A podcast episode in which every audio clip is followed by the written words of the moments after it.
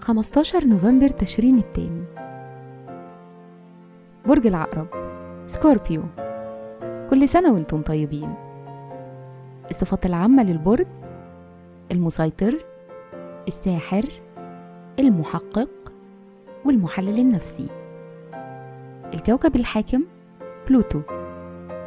العنصر المية. الطالع في يوم ميلادكم. رحلة الحياة. لما بتكونوا بين سن السبع سنين والستة وتلاتين سنة بتحسوا بالتفاؤل وإنكم قادرين تاخدوا فرص. بتبقى عندكم رغبة عالية في الوقت ده إنكم تسافروا أو تدرسوا. أما لما بتوصلوا لسن السبعة وتلاتين فبتتحولوا لشخصيات واقعية وملتزمة ومحددة. وبتبقى نظرتكم للحياة واضحة بالنسبة لكم. الشخصية بتغطوا على حساسيتكم عشان تحموا نفسكم من إمكانية استغلالكم.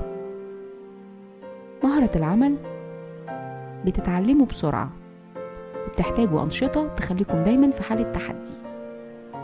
تأثير رقم يوم الميلاد أصحاب براعة وحماس. لكن في نفس الوقت أصحاب قلق أحيانا بيزيد. في الحب والعلاقات.